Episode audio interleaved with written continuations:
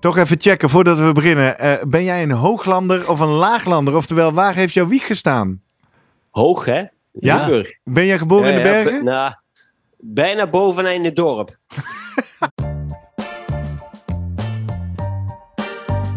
Welkom bij de Slimmer Presteren podcast. Jouw wekelijkse kop koffie met wetenschapsjournalist Jurgen van Tevelen en ik, middle-aged man in Lycra, Gerrit Heikoop. Over sport, onderzoek en innovatie. Voor mensen die hun grenzen willen verleggen, maar daarbij de grens tussen onzin en zinvol niet uit het oog willen verliezen. In deze aflevering praat ik met Jurgen over presteren op hoogte. Hoeveel vermogen ga je inleveren? Hardlopen door de Alpenweide, fietsen over de Dolomietenkools. Sporten in de bergen is populair bij duursporters, maar extra uitdagend vanwege de ijle lucht. Wat doet dit met de sportprestatie en kan een hoogste stage je helpen?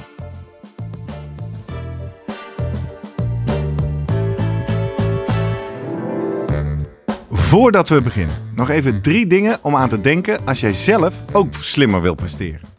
Nummer 1. Druk nu gelijk even op abonneren, zodat je altijd direct in de gaten hebt wanneer er een nieuwe aflevering online komt. Nummer 2. Weet dat je Jurgen en mij ook kunt boeken voor jouw volgende bijeenkomst als spreker of presentator. Neem gerust eens contact met ons op via de contactgegevens hieronder. En 3. Deze podcast wordt geproduceerd en gesponsord door Live Online Events. Serieus goede content rondom jouw congres of event.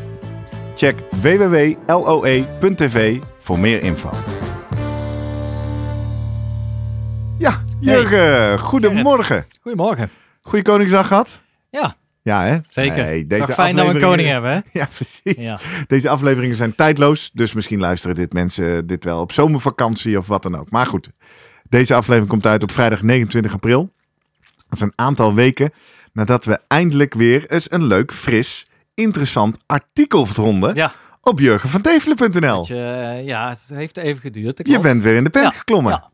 Ja, Dat was ook nodig, vond ik. Ja, Want ik zag een eh, leuke studie voorbij komen en daar wou ik wel wat eh, op reageren of eh, iets over schrijven.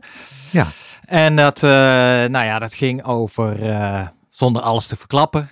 Ik vond het interessant omdat ze, nou, er, wordt altijd gezegd, ja, le- lekker makkelijk die Colombianen. Die, als je, die zijn op hoogte geboren, ja, dan is het ook voor hun net zo makkelijk om op hoogte te fietsen en te klimmen. Ja. Dus eh, ja, wat, En we hebben het nu over wielrenners Klopt. in het profpeloton. Ja. Ja.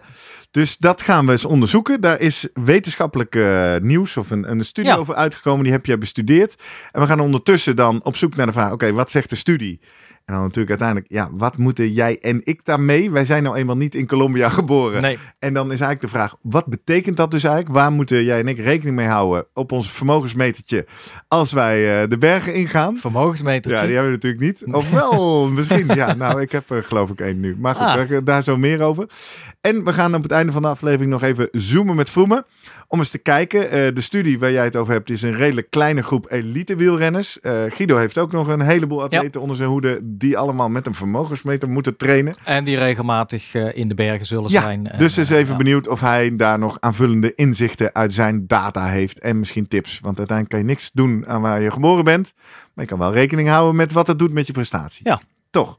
Dus laten we maar eens bij het begin beginnen. Eh, op hoogte sporten. We hebben daar alles een aflevering over gemaakt. Ja, dat klopt. Maar dat ging specifiek om het nut van een hoogtestage. Ja. eh, op de prestatie eigenlijk op zeeniveau. Ja. Dus het idee daarachter is en wat wielrenners standaard doen tegenwoordig. Nou, voor Vleuten, hè, die is, tegenwoordig maanden in Colombia. Tom Dumoulin doet dat tegenwoordig dan ook. Ja. En eh, nou, er wordt altijd gezegd, ja, eh, het idee is natuurlijk dat je daar rode bloedcellen kweekt. Ja. En dan terugkomt eigenlijk weer terug in Nederland of in Europa. En dan merkt of profiteert van het feit dat jouw, eh, jouw lichaam extra Meer rode, rode bloedlichaampjes zou hebben. en rode bloedlichamen betekent meer zuurstofaanbod voor de spieren. Nou, we weten hoe belangrijk het is om eh, zuurstof te hebben. Genoeg zuurstof voor de, voor de, eh, voor de verbranding, energie opwekken. Ja. En eigenlijk in die aflevering kijk ik naar alle wetenschap die gedaan is. En daaruit blijkt eigenlijk dat dat effect, nou, dat daar grote vraagtekens worden bij gezet eh, door, eh, door Ja, wetenschappers. die specifiek op dat hebben. fysiologische effect Ja. van meer rode bloedlichaampjes Ja. krijgen door een hoogtestage.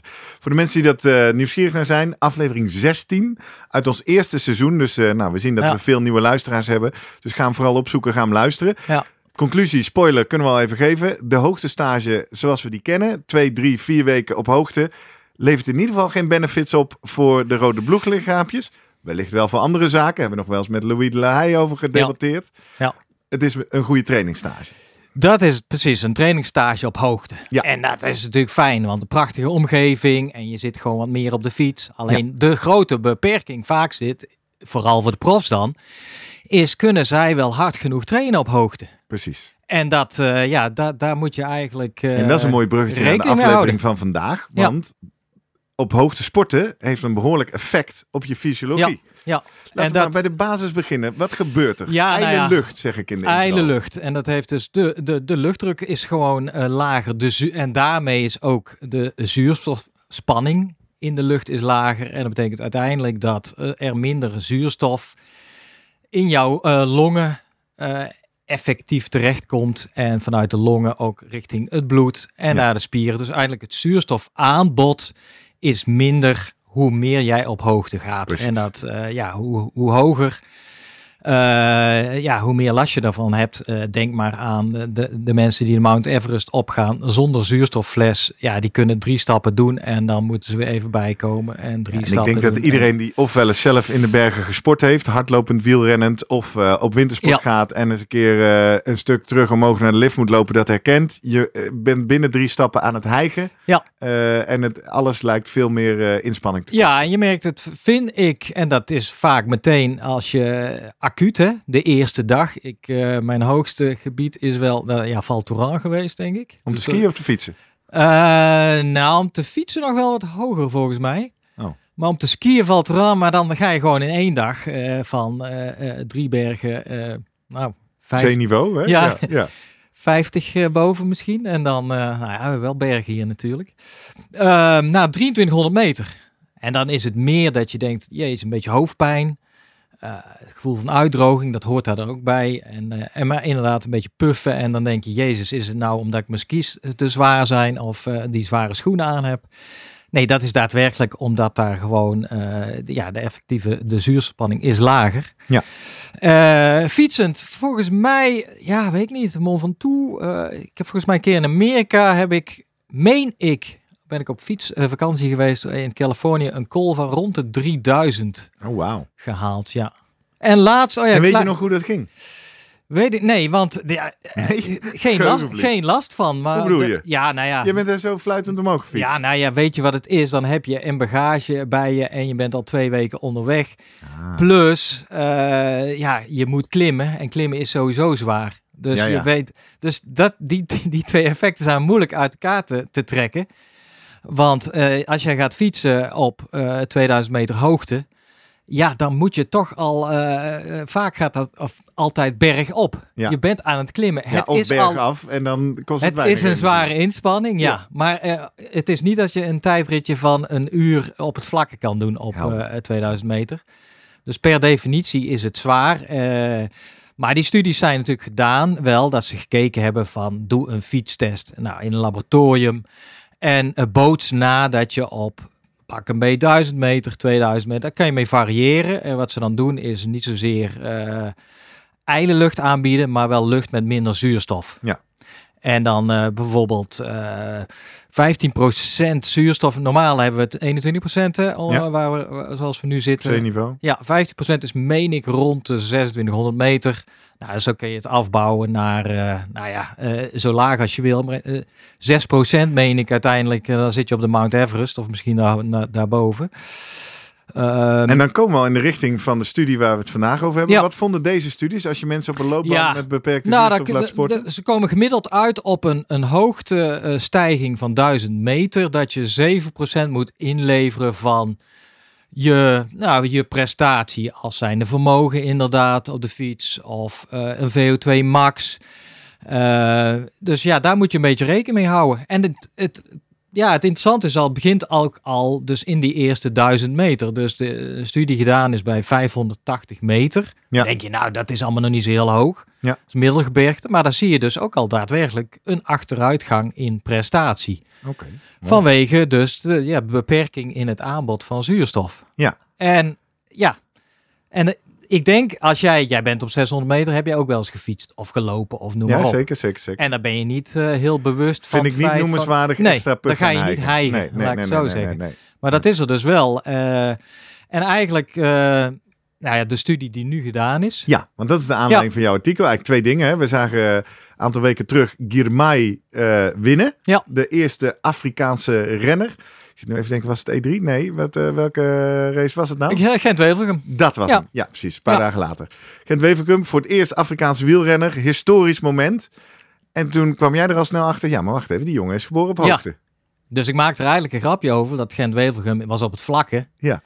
Want, nou ja, daar heeft hij daar profijt van dat hij op hoogte is geboren. Nou ja, dat aan de hand van de, de, de aflevering eerder zou ik zeggen, nou, dat valt misschien reuze mee. Eh, tenzij je zegt natuurlijk een hoogtestage normaal is een maand en hij, eh, hij doet een hoogtestage van pak een beet 21 jaar is die. Ja.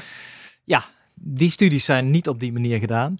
Nee, maar wacht maar eh, tot hij in de bergen gaat eh, rennen of fietsen. En dan heeft hij echt voordeel. Want dat bleek uit deze studie. ja, dat is het voordeel van de vermogensmeter tegenwoordig.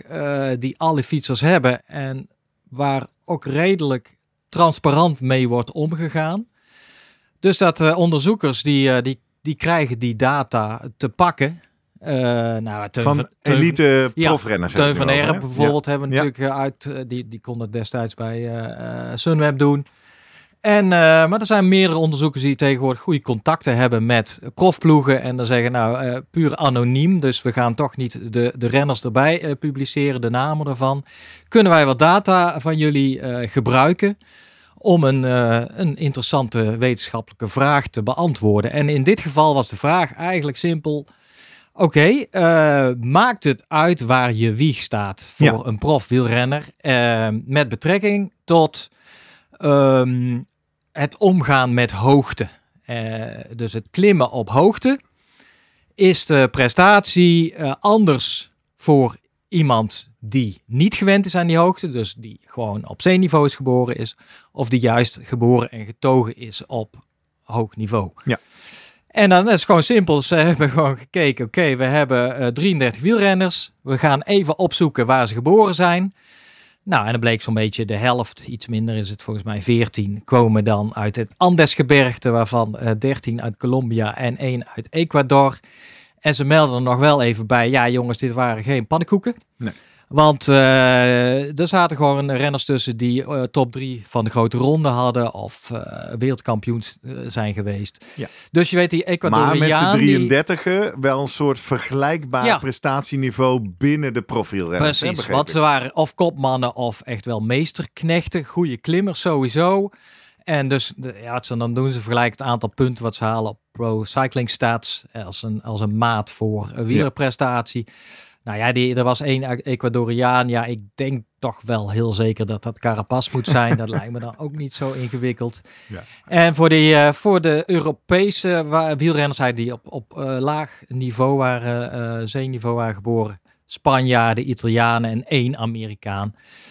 Eh, studie is uitgevoerd door Spanje, Spaanse onderzoekers. Dus, eh, nou ja, goed. Je kan, je, ik denk dat je daar nog wel misschien achter kan komen wie ze precies hebben genomen. Maar daar ging het uiteindelijk minder om. Zij gingen de vermogensdata vergelijken. Acht jaar lang. Ja. En hebben ze gewoon heel simpel gekeken. Oké, eh, ja, er wordt tegenwoordig naar de, de record profile gekeken. Eh, is het eigenlijk eh, de hoogste vermogens die iemand trapt bij verschillende duur van de inspanning. Oh ja.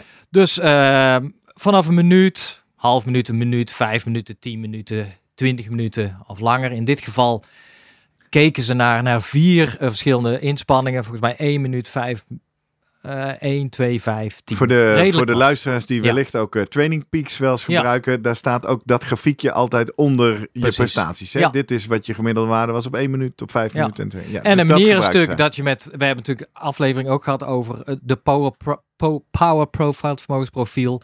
Dat je daar eigenlijk je zwakke plekken eh, en je sterke plekken kunt zien. Ben je, ben je heel sterk in het snelle felle werk of ben je Ja, juist dat is lang het idee, hard? nou ja. ja. En ja, goed, zij hebben eh, vier van die momenten gekozen. En dan, eh, nou, met daarbij gekeken. Na trainingen, wedstrijden. Gewoon, ja, al die data stromen natuurlijk binnen. En dat gerelateerd aan, oké, jouw beste vermogens. Eh, wanneer trap jij die en op welke en daar, ja, gekeken welke hoogte gebeurde dat? Nou ja, en die renners zitten natuurlijk regelmatig eh, in, in het gebergte. Eh, en dus die hebben vier categorieën volgens mij. 0 tot 500 was zijn de zeeniveau. En dan 500 tot 1000. 1000, 1500, 1500, 2000. En dan puur gekeken, nou wat doet dat verschillen. met die vermogens? En dan Ja. zie je toch wel een behoorlijke afname bij de renners die op eh, zeeniveau gebo- geboren zijn. Afname als in als zij op hogere hoogtes moeten presteren, Zie je maximale vermogen af. Precies. Ja, en in lijn met de verwachting Ja, natuurlijk. Maar toch ja, wel eh, tot eh 20, 25 procent zie je dat. zo. Dat is En- eigenlijk veel meer dan die 7% die je net Ja. noemde. En dat is natuurlijk, ja goed, het hangt... Kijk, zij gaan, het zijn maximale inspanningen, dus je kan je ook wel eh, voorstellen... Kijk, het lastige aan zo'n studie is natuurlijk, wat hebben zij vooraf al gedaan, hè? Ja, ja, ja, er zijn allerlei variabelen die en- een rol spelen. En, en vaak als zo'n eh, bergetappe juist die eindigt op de hoogste eh kools.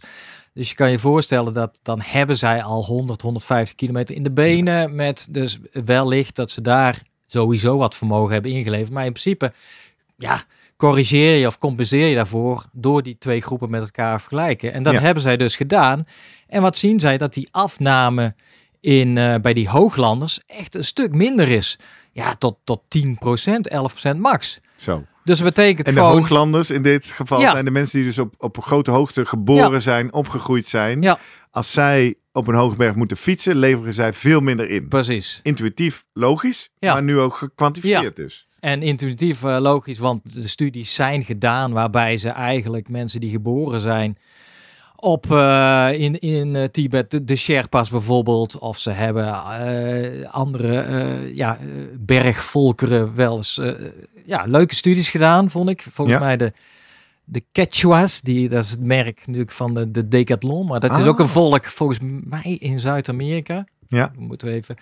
Hebben ze gekeken van, oké, ben je nou een, een Quechua die, eh, ehm, die nog steeds op geboren is, ook in de bergen? Want je hebt natuurlijk ook Quechuas die op een gegeven Die naar de moment gedacht hebben van, eh, ja, precies. En daar. eh, Met zo'n lekker opwerptentje. ja. Ja. en daar gewoon een familie gesticht, nakomelingen, noem maar op. Dan ben je, ja, je hebt misschien nog wel de genen van de Quechua, maar ja, de omgeving eigenlijk van een, een zeeniveau persoon, Ja. een laaglander. En die hebben ze dan samen op hoogte een trainingsprogramma aangeboden en dan gekeken naar de aanpassingen.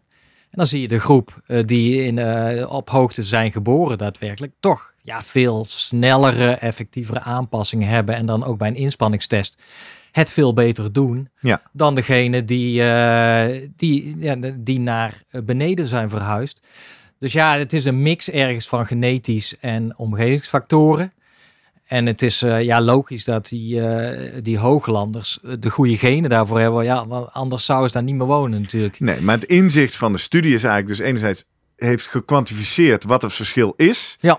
Ehm, en laat dus zien dat misschien als een laaglander een beetje gaat trainen, dat dat, Nee, dat verschil niet opheft. Onvoldoende. En dat vond ik wel, dat is interessant, want zij hebben ook wel, zij merken ook op, ja, elke laaglander, Ja, doet Die- dat hè? In die gaat tegenwoordig wel minimaal eh, drie, vier weken. Niet elke laaglander, Ja. maar elke Laaglander die profwielrenner Ja. is. Ja. Is, en daar hebben ze ook eh, naar gekeken van, eh, ja, halen zij nou hun hoogste vermogens in de twee weken zo'n beetje, of tijdens misschien die hoogste stage. Tuurlijk, ja. En dan komen ze toch achter dat in de meeste gevallen dat niet gebeurt. Oh nee. Nee, dus dat is opmerkelijk. Dus zij, ja, dat is voor hun ergens al een teken van, hmm, ja, werkt die hoogste stage dan wel voor want- beter omgaan met de ijle lucht? Nou dat, maar dat hadden we natuurlijk in aflevering 16 al debunked.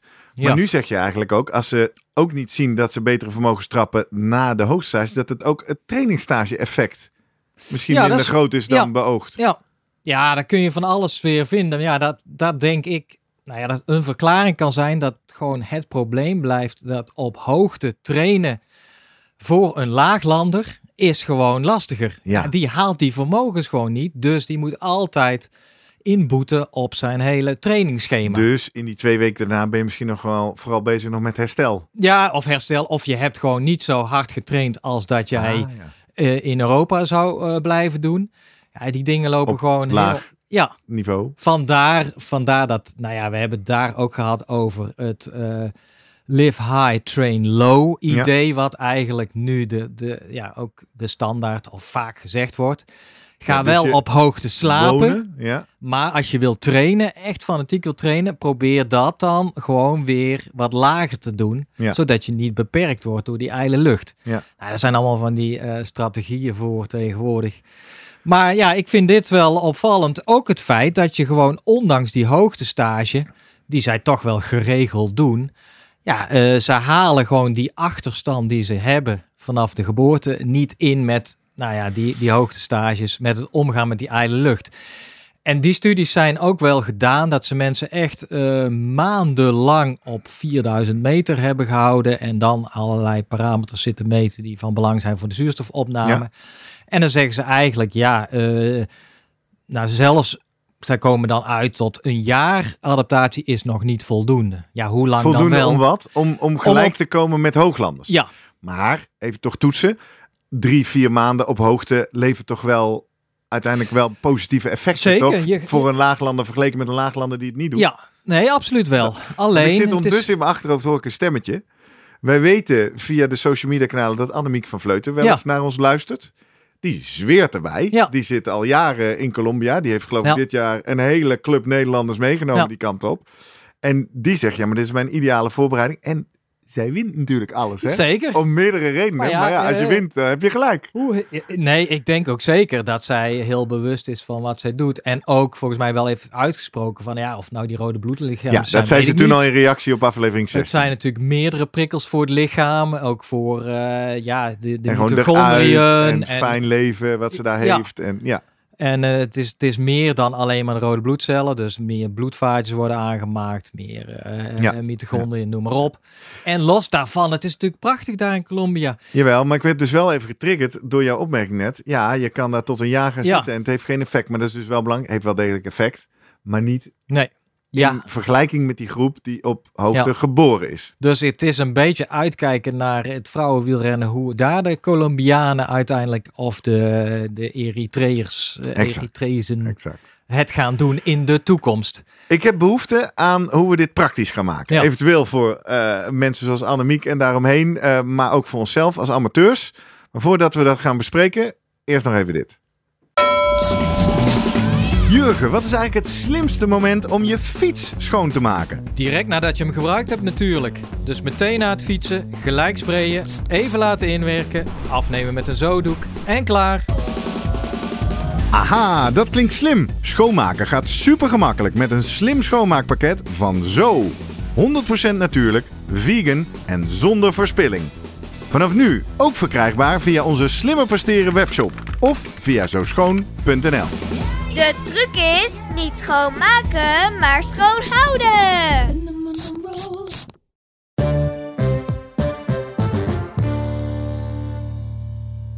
Ja, toch ook even onze partners eh, tevreden houden en weer eh, lekker schoon verder. Praktische tips. Ja. Hoe gaan we nou het inzicht, want ja, we kunnen niet veranderen waar we geboren zijn. Ook Nee. niet waar we opgegroeid zijn. Dus wat gaan we hier nou mee doen? Nou ja, we- kijk, ik denk dat sowieso is om al jouw eh, verwachtingen bij te stellen. Stel, je hebt een vermogensmeter. Ja. Die hebben mensen, hè? Ja, mensen Ah. die onder Guido Vroemen trainen, hebben die, zoals Op- ik nu ook. Op ja. je fiets of op je hardloopschoen. Want ik bedoel, we hebben praten over fiets, maar er zijn natuurlijk de, de, de ultra eh Lopers trails, die de bergen eh, in gaan. Ja. Ehm, ja, ga niet uit van wat jij op zeeniveau haalt qua vermogens, zullen maar zeggen, of prestaties. Nee. Dat je dat dan ook gaat halen in die race, eh, in die, die cyclo of die eh, ultramarathon in de bergen. En Ga belangrijk, mocht je dus dat eikcijfer 7% Ja. in je hoofd hebben, dat zou wel eens 20 tot 25% ja, minder dat vind ik kunnen lastig. Ik bedoel, want dat hangt ook, eh, ja, heel erg af of het de maximale inspanning is of submaximaal. Tuurlijk. En, En, ik snap dat we hier niet Ja. het exacte cijfer erop gaan plakken, maar ik vind toch 25 veel meer. Hè? Ja. Minimaal twee keer zoveel dan 7. Ja. Dus je kan, wat ik maar wil meegeven als boodschap, het is niet raar als je voor je gevoel twee keer zo slecht presteert als dat je Nou, dacht. en ik denk dat dat de interessante is van, eh, ja, de een lijkt daar gewoon, nou ja, we hebben het daar de vorige keer over gehad, non-responders, responders. Nou, zo zwart-wit wil ik het niet zien.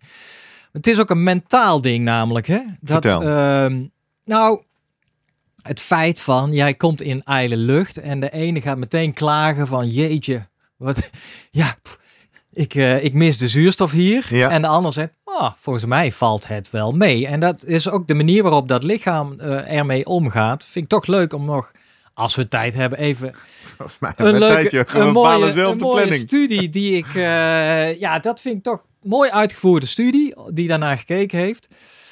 Hebben ze een groep van eh, wielrenners eh, hebben ze naar het lab eh, gehaald en ehm, eerst gezegd, nou, jullie gaan vijf kilometer fietsen en dan trappen ze ongeveer 350 watt. En toen kregen ze een en dan kregen ze een masker voor met 21% zuurstof. Dus gewoon zoals. Ja, C-niveau. eh, ja, geen enkel probleem. Toen zei ze, nou, andere dag, masker weer op, maar nu 15% zuurstof. Ijle lucht. Dus dan moesten ze ineens op 2500 meter. Was niet bij iedereen zo zeker? Hè? Was niet bij iedereen zo? Eh, nee, dat is, dat is weer een andere Oh, dat studie. dat studie, met placebo. Daar Ja, hebben we het de ja. vorige keer al over gehad. Ja. Ehm, nou, en Maar in ze- dit geval dus wel, iedereen kreeg 15% lucht op. En dan zei ze, oké, ga weer die 5 kilometer fietsen. Zuurstof. En dan kozen, kozen zij dus voor een lagere wattage. Iets van 270, meen ik. Nou, eh consequenties, zij deden langer over die 5 kilometer. En nou was het interessant, en die, gingen die, eh, die onderzoekers gingen eens kijken van wat is de- ja, de vermoeidheid in de spieren? Is die, eh, ja, is die anders? Dus ze stimuleerden dan de beenspieren door die zenuw er naartoe, eh, nou, die kan je dan stimuleren. Ja. En dan zagen ze eigenlijk dat de afname in spierkracht, maximaal spierkracht, voor beide inspanningen hetzelfde was. Oké, Dus de vermoeidheid was was hetzelfde. Maar ja, die ene groep had natuurlijk wel minder eh, kracht geleverd, minder vermogen geleverd. Maar ja, Omdat ze langer over hetzelfde stukje hadden. ja, en omdat zij natuurlijk gedacht hadden, ja, of voelden, merkten, we hebben maar 15% eh, zuurstof. We moeten met minder zuurstof doen. Nu gingen zij die, die groep weer bij, eh, in het lab roepen. En dan zeiden ze, ja jongens, nu moeten jullie toch gewoon die 350 watt gaan trappen. En ook al zegt jouw lichaam, ja maar liever niet. Gewoon doen. En nou, zij hielden dan die, die inspanning niet vol, die 5 kilometer. Maar Ah. na vijf minuten, als ze echt op waren, toen gingen ze nog eens kijken naar, ehm, ehm, Nee, die, de, naar die spieren. Ja. En weer stimuleren. En dan zagen zij echt, nou die spieren hadden een flinke op, optater gehad. Want die spierkracht was echt gigantisch afgenomen. Eh deze hetzelfde met, die, eh, met 21% zuurstof. Ook hetzelfde wattage in dit geval. Ook na vijf minuten stoppen, terwijl Ja. ze het nog wel volhielden. Ja. Dan zagen ze die afname een stuk minder. Dus dat geeft me aan dat het lichaam had in, in hun geval gekozen voor bij die 15% zuurstof. Van ja, jongens, we moeten nou eenmaal. Die overroelde die rem. het hoofd, hè? Ja. Ja. Had gezegd, we gaan. En, eh, maar de consequentie was wel dat eh, ja, daardoor meer spiervezels uiteindelijk werden ingezet om maar het vermogen te halen. Maar dat daarmee wel de spieren een enorme klap hadden gehad. Ja. Maar En dit dus heet toch gewoon opblazen? Dan, dan, dan, Ja. dan moet je toch gewoon in je anaeroop vermogen gaan Ja, knallen. En dan, dan lig je eruit na maar vijf vraag, minuten. maar vraag, ja, nou ja, precies. Dus dat is een soort pacing ergens. Ja, ja. Dat is hetzelfde, maar dus ergens is Maar ik het zit gewoon... even te zoeken wat we met deze, van deze studie leren. Enerzijds dus dat je hoofd... Hè, als, je, als je geen opdracht krijgt, dan ga je het dus rustig aan. Dan ga je zelf pacen, dan red je het. Ja. En dat kun je met je hoofd overrulen. Ja. Oké. En er zijn natuurlijk ook mensen die zullen zeggen: ja, maar ik wil toch eh, een, een PR halen of een kommetje, Ah. eh, een tegenstander voor zich. Die, die toevallig geboren is op hoogte of noem maar op. Ja. Je kan dus wel meer aan. ja. Dat, dat is alleen, eh, de consequenties zijn wel een stuk heftiger. Want Ja. jou, je, je gaat echt ja, je blaast je gewoon op. Ja, en nou ja, met tot aan spierschade aan toe. Want die, die afname spierkracht die was gewoon echt veel meer dan ja, eh, in natuurlijke, eh, op een natuurlijke manier zou gebeuren bij een, Ja. nou, bij een inspanning. En ik breng me dat nou eens terug naar jou en mij op de flanken van de vent toe. Hoe gaan we dit nou praktisch Ja. gebruiken? Want we hebben tip 1 net al gehad. Wow, wow, we moeten even rekening houden met veel meer vermogensafname dan we misschien wel dachten. Want wij zijn laaglanders. Ja. En nu zeg jij, tweede tip. Pas nou maar op dat je dan ook nog niet eens mentaal daar doorheen klapt. Ja, nou zeker. Ik denk dat er wel mensen zullen zijn die zullen zeggen: ja, nou ja, goed. eh, hoezo? Ja, Eh, niet zeuren. Niet zeuren, gewoon doen. Ja. Eh, ja, het kan, het kan dus wel. Ik bedoel, die rem die, sta, die staat gewoon strak. De en- rem van je hoofd die je, scherm, eh, die je spieren beschermt Ja, bedoel je. En daar Ja. hebben we het vaak over. Die staat te strak ingesteld. Want het lichaam die, die gaat altijd voor heel veilig. Ja. Die wil gewoon geen enkele schade eigenlijk. In ieder geval. eh, Precies. En dus je kan daar wel mee spelen. Ik bedoel, je kan ook eh, cafeïne van tevoren nemen. Of je kan, eh, nou ja, andere middelen gaan nemen om die rem eraf te halen. Maar ja, het, die rem zit er, zit er niet voor niks. Dus als nou die rem bij jou wat strakker is afgesteld als bij jouw eh, ploeggenootje waarmee je gaat fietsen en die zegt, ja, ik, ik heb eigenlijk geen last van, van die mindere zuurstof. Ja, eh, dan denk ik toch dat het goed is om goed naar je lichaam te luisteren, eh, te pacen weer. En ook dat pacen kun je natuurlijk ook oefenen. En dat is wel weer een kwestie van vaker dit doen of wat langer op hoogte verblijven of noem Om te op. voelen Ja. wat jouw snelheid, Ja. vermogen bij die omstandigheden is. Maar ga vooral niet eh, eh, denken van, hé, hey, maar het werelduurrecord, dat wordt toch altijd op hoogte gereden? Ja, dat is ook een fascinerende. En eh, dus, ik moet, als ik op 2000 eh, meter ben, ja, dan kan ik meer eh, of, of ja, harder fietsen, want ijle lucht. Dus ik... eh, ik Ja, ja, eh, daar zit een denkfout, wil je ja, maar zeggen. En ja. pas dan op met je hoofd, want die gooit jezelf zo het ravijn in. Ja, precies. Wel leuk hè, voor, eh, we hebben veel nieuwe luisteraars. Die hebben aflevering 16 misschien nooit gehoord. Eh, ik zei aan het begin van de aflevering, je hebt weer eens een artikel geschreven. Ik kan hem toch nog wel een keer erin gooien, toch? Jij eh, noemt het werelduurrecord. Je bent Ja. ook schrijver, hè? Je hebt een boek geschreven, Ja, toch? zeker. Ja, Ik- hoe heet oh, boek ook weer? liggen. Eh, het maakbare uur. Goh, leuk. Waar En gaat die- het over? Ja, nou, het werelduurrecord. En die maakbaarheid zit er natuurlijk in dat... ja, ineens eh Merks bedacht van... hey, ik ga mijn werelduurrecord in 1972... dat ga ik op hoogte doen. Ja. Want iedereen dacht toen... hey, maar eh, ben je niet gek geworden, Eddie? Want eh dat daar is is minder, toch... minder zuurstof. Ja, maar Eddie had al, die was natuurlijk slim, had wat wetenschappelijke experts om zich heen. Die zeiden, ja, hey, maar de dichtheid van de lucht is daar ook een stukje minder, Eddie. Precies. En jij hoeft niet te klimmen. Dus eh, daar, eh, als je die twee tegen elkaar afweegt, dan is het voordeel van eh, de mindere luchtweerstand is, is, ja, is groter dan het nadeel van de minder zuurstof. Ja. Kijk, en zo, nou, daar staat een boek vol mee met dit soort wetenschap. Als je dit nou leuk vindt, dit boek is ook te koop in onze eigen webshop. Slimmerpresterenpodcast.nl slash webshop. Daar vind je t-shirts, mokken en dus ook een gesigneerd exemplaar van het maakbare uur. En eh, bestellingen lopen vrij aardig. Ja. Dus eh, als je hem nog niet hebt gelezen, bestel hem vandaag nog. hey, we gaan eh, een van de dingen die ik net opschreef terwijl ik naar jou zat te luisteren. Weet je wat ik van Guido vooral ook wil weten? Niet alleen of hij dit herkent, dat zal. En of hij extra data uit zijn atleten heeft waar hij misschien verschil ziet.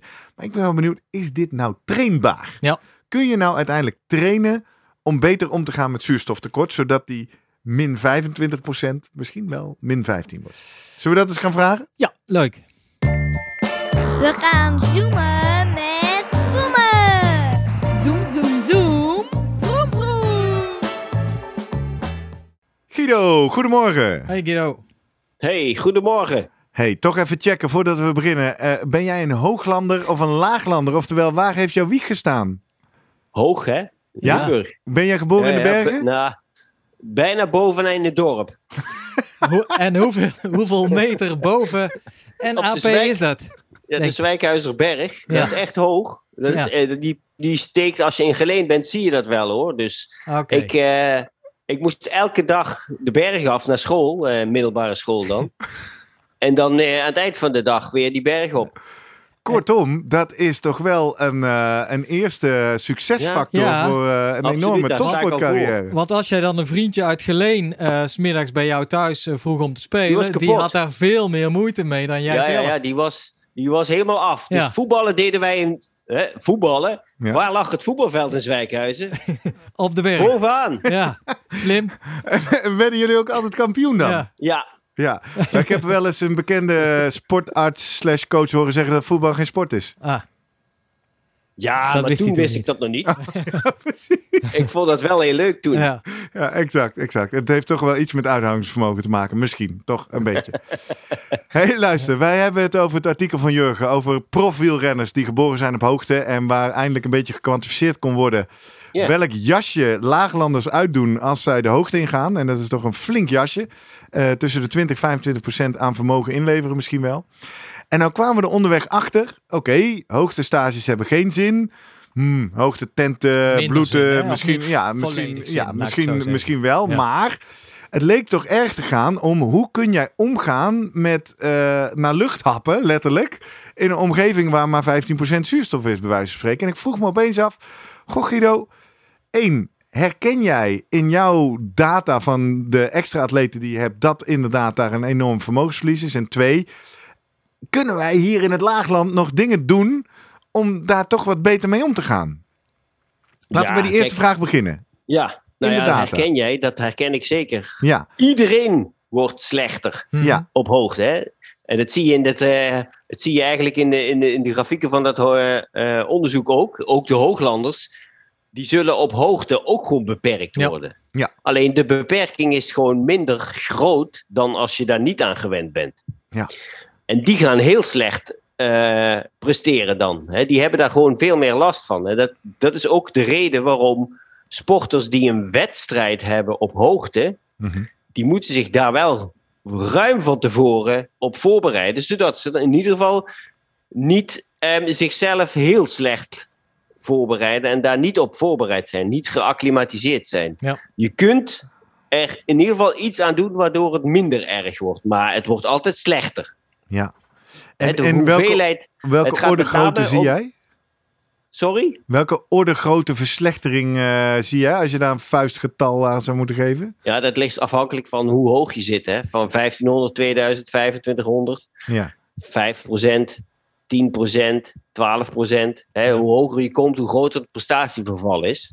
Ja. Want de beschikbaarheid van zuurstof is gewoon minder. Dus je kunt de, aerobe inspanning, hè, wat, wat, ik, wat we al eens vaker hebben gehoord, waarbij de aerobe motor vijf minuten en langer, daar kun je dus ook gewoon minder gebruik van maken. Want je hebt minder zuurstof ter beschikking. Wat opviel trouwens, is dat hier ook bij 30 seconden inspanningen ook slechter werden. En dat is niet een aerobe inspanning, hè? dat is anaeroop. Nee, die, dus die, die auteurs die, die, hebben, die bespreken dat ook. En die zeggen ja, dat lijkt er dan toch op dat er een soort centrale belemmering is. Dus dat vanuit de hersenen ook al gezegd wordt: jongens, eh, ook bij die korte inspanning, Ja, even inhouden, extra de rem erop. Dat viel hun eigenlijk ook op. Dat dat dus voor. eh, je zou het dus daar minder verwachten. maar, ja. centrale beperking Ja. of zo wordt er dan opgelegd. Ja. Maar het is namelijk wel interessant van eh, als je de, de studies allemaal naast elkaar zet, dan vind je niet zoveel verschillen bijvoorbeeld in hematocriet of in eh, dichtheid van capillaire tussen hooglanders en, en laaglanders. En er wordt altijd gezegd, ja, het zit ergens met de overgang, diffusiecapaciteit eigenlijk van een long Zo, naar dit is het het bloed. derde moeilijke woord wat ik laat gaan. Diffusiecapaciteit. Nou, je hebt de zuurstof, moet Ja. diffunderen, Ja, bewegen, ja. eigenlijk vanuit de longen en dan Ah. opgenomen worden in het bloed. De, de zuurstofwisseling. De, en dat is eigenlijk een concentratieverschil. En dan heb je eh, met een over een oppervlak. Ja. En Ja. over een bepaalde afstand. En die afstand moet heel kort zijn eigenlijk. Het oppervlak heel hoog. En eigenlijk concentratieverschil ook lekker hoog. En je zegt, die studies laten zien, daar zit het. Ja, daar zit het zit fysiologische verschil tussen deze ja, atleten. dat daar dus die hooglanders daarop aangepast zijn. Beter dan de Ja. laaglanders. Ja, hoe zou je zoiets kunnen trainen bij laaglanders? ja.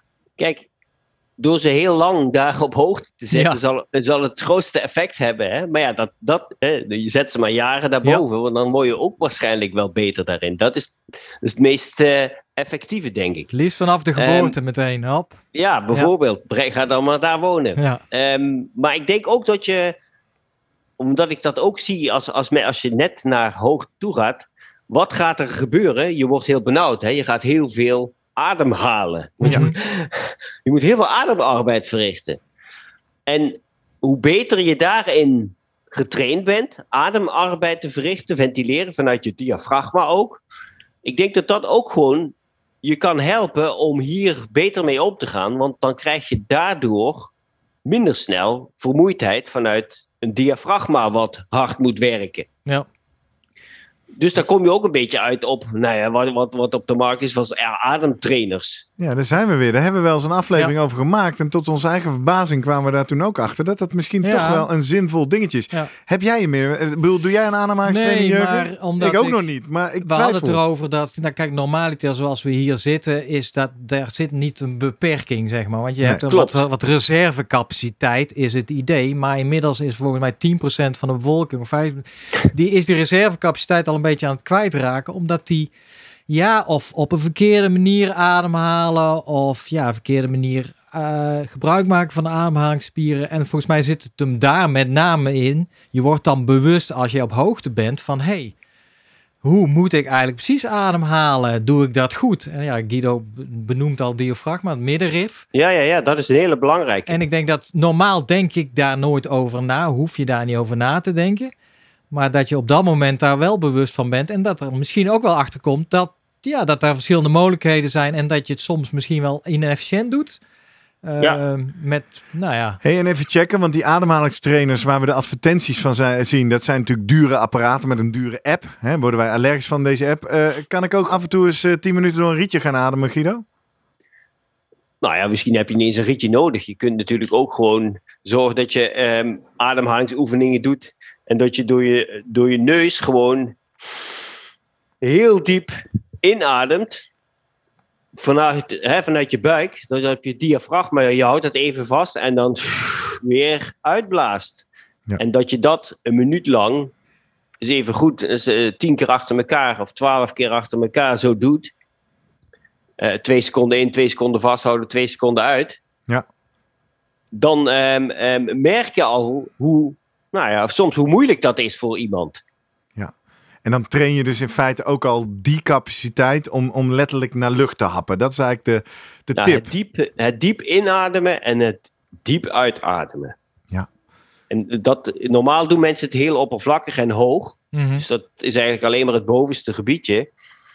En ik denk dat dat zelfs door de, eh, de COVID-pandemie, dat dat heel veel mensen parten speelt, dat ze heel oppervlakkig ademhalen en daardoor ook heel snel buiten adem zijn bij de geringste inspanning, doordat ze dat niet meer goed kunnen.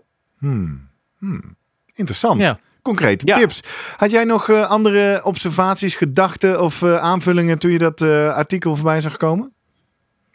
Nou, niet zozeer de andere. Het was wat ik me verbaasde inderdaad, dat van die korte inspanningen, dat daar ook zoveel verschil in werd gevonden. Ja. Kijk, die langere duurinspanningen, waar de zuurstof echt heel belangrijk is, die vijf minuten en Ja. de tien minuten en langer, dat snap ik wel. Maar die korte, die had ik niet zozeer verwacht. Ik denk, nou ja, weet je, daar heb, daar heb je geen zuurstof voor nodig. Daar zullen ze allebei wel net zo slecht in worden. Maar dat was niet zo. Nee, nee. Dus dat vond ik nog wel een, een, een, nou ja, een verbazingwekkende conclusie die eruit kwam. Maar is het dat misschien de wisselwerking dat zij ook minder tijd steeds hebben om die anaerobe tank weer aan te vullen?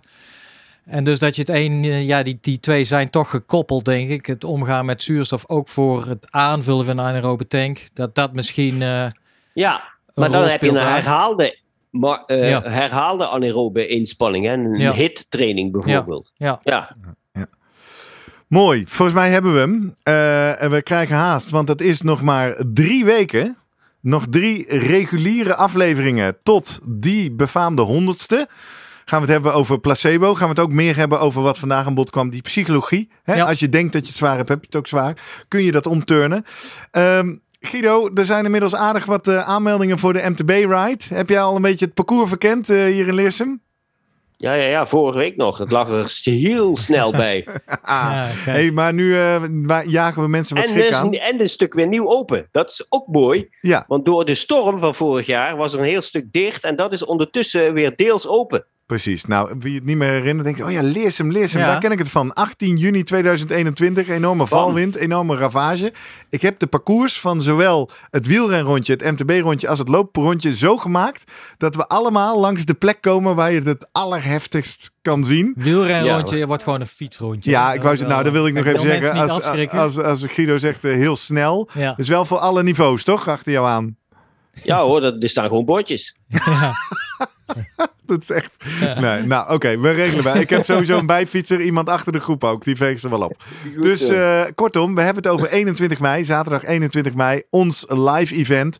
Als je nog zat te twijfelen, doe het gewoon. Surf als een gek naar onze webshop www.slimmerpodcast.nl slash webshop en bestel die laatste kaartjes.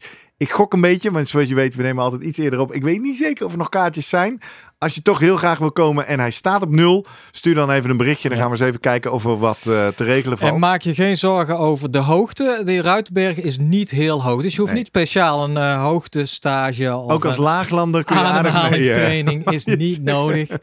Heel dus, goed. Maar het is wel heuvelachtig. Dus we gaan er wel degelijk mee in aanraking komen. Ja, leuk. Nee hoor, we houden iedereen erbij. We hebben de voorfietsers en we hebben de achterfietsers of lopers. Zodat we allemaal veilig terugkomen. En ieder rondje in het parcours zit ook zo in elkaar. Dat je ook nog halverwege kan afsteken als je zegt ik kan niet bijhouden. En dan ben je eigenlijk vlak bij het startpunt. Kortom, we hopen jou te zien in levende lijven. Eh, bestel je kaarten. Of reageer met jouw vragen, je opmerkingen. Felicitaties kan ook al. Cadeautjes kun je ook al sturen. Via een aantal verschillende manieren. Eh, eh, op eh, social media zijn wij de Slimme Podcast. Op Twitter en Instagram. Je vindt daar van iedere aflevering een post. Daar kan je hartjes op geven. Daar kan je retweeten. Of daar kan je je reactie onder plaatsen. Je kan ook naar onze website www.slimmerpodcast.nl. Daar vind je van iedere aflevering een link. Die kan je dan kopiëren en delen. Bijvoorbeeld in een handige WhatsApp groep van je vereniging. Of doorsturen naar een kennis die ook op hoogte is geboren. Of eh, op hoogte is gaan wonen. Of eh, uit Limburg komt, net zoals Guido. En eh, dat je Ja. dan eindelijk snapt waarom die zoveel sterker Ja. altijd zijn. En je kan ons ook mailen via post.slimmerpodcast.nl. We horen graag van je met al je aanvullingen, vragen, rectificaties. Nou, en wat je verder maar kwijt wil. Of het adres. Oh nee, heb ik trouwens ook op de website gezet. hè slimmerpodcast.nl slash contact.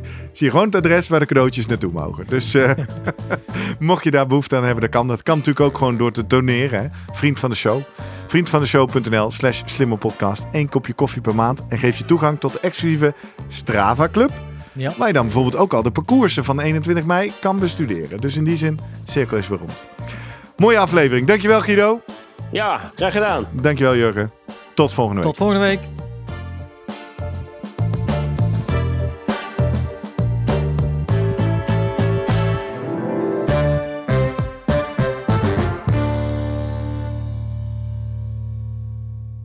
Nog even goed om te weten. Wij ontvangen zowel financiële als materiële ondersteuning van een aantal commerciële partners. Deze partners hebben op geen enkele wijze invloed op de inhoud van onze podcast. Hey, pst. Voordat je weggaat, denk er nog even aan uilentorenloop.nl. Dan zien we je de eerste zaterdag van juni. Tot dan!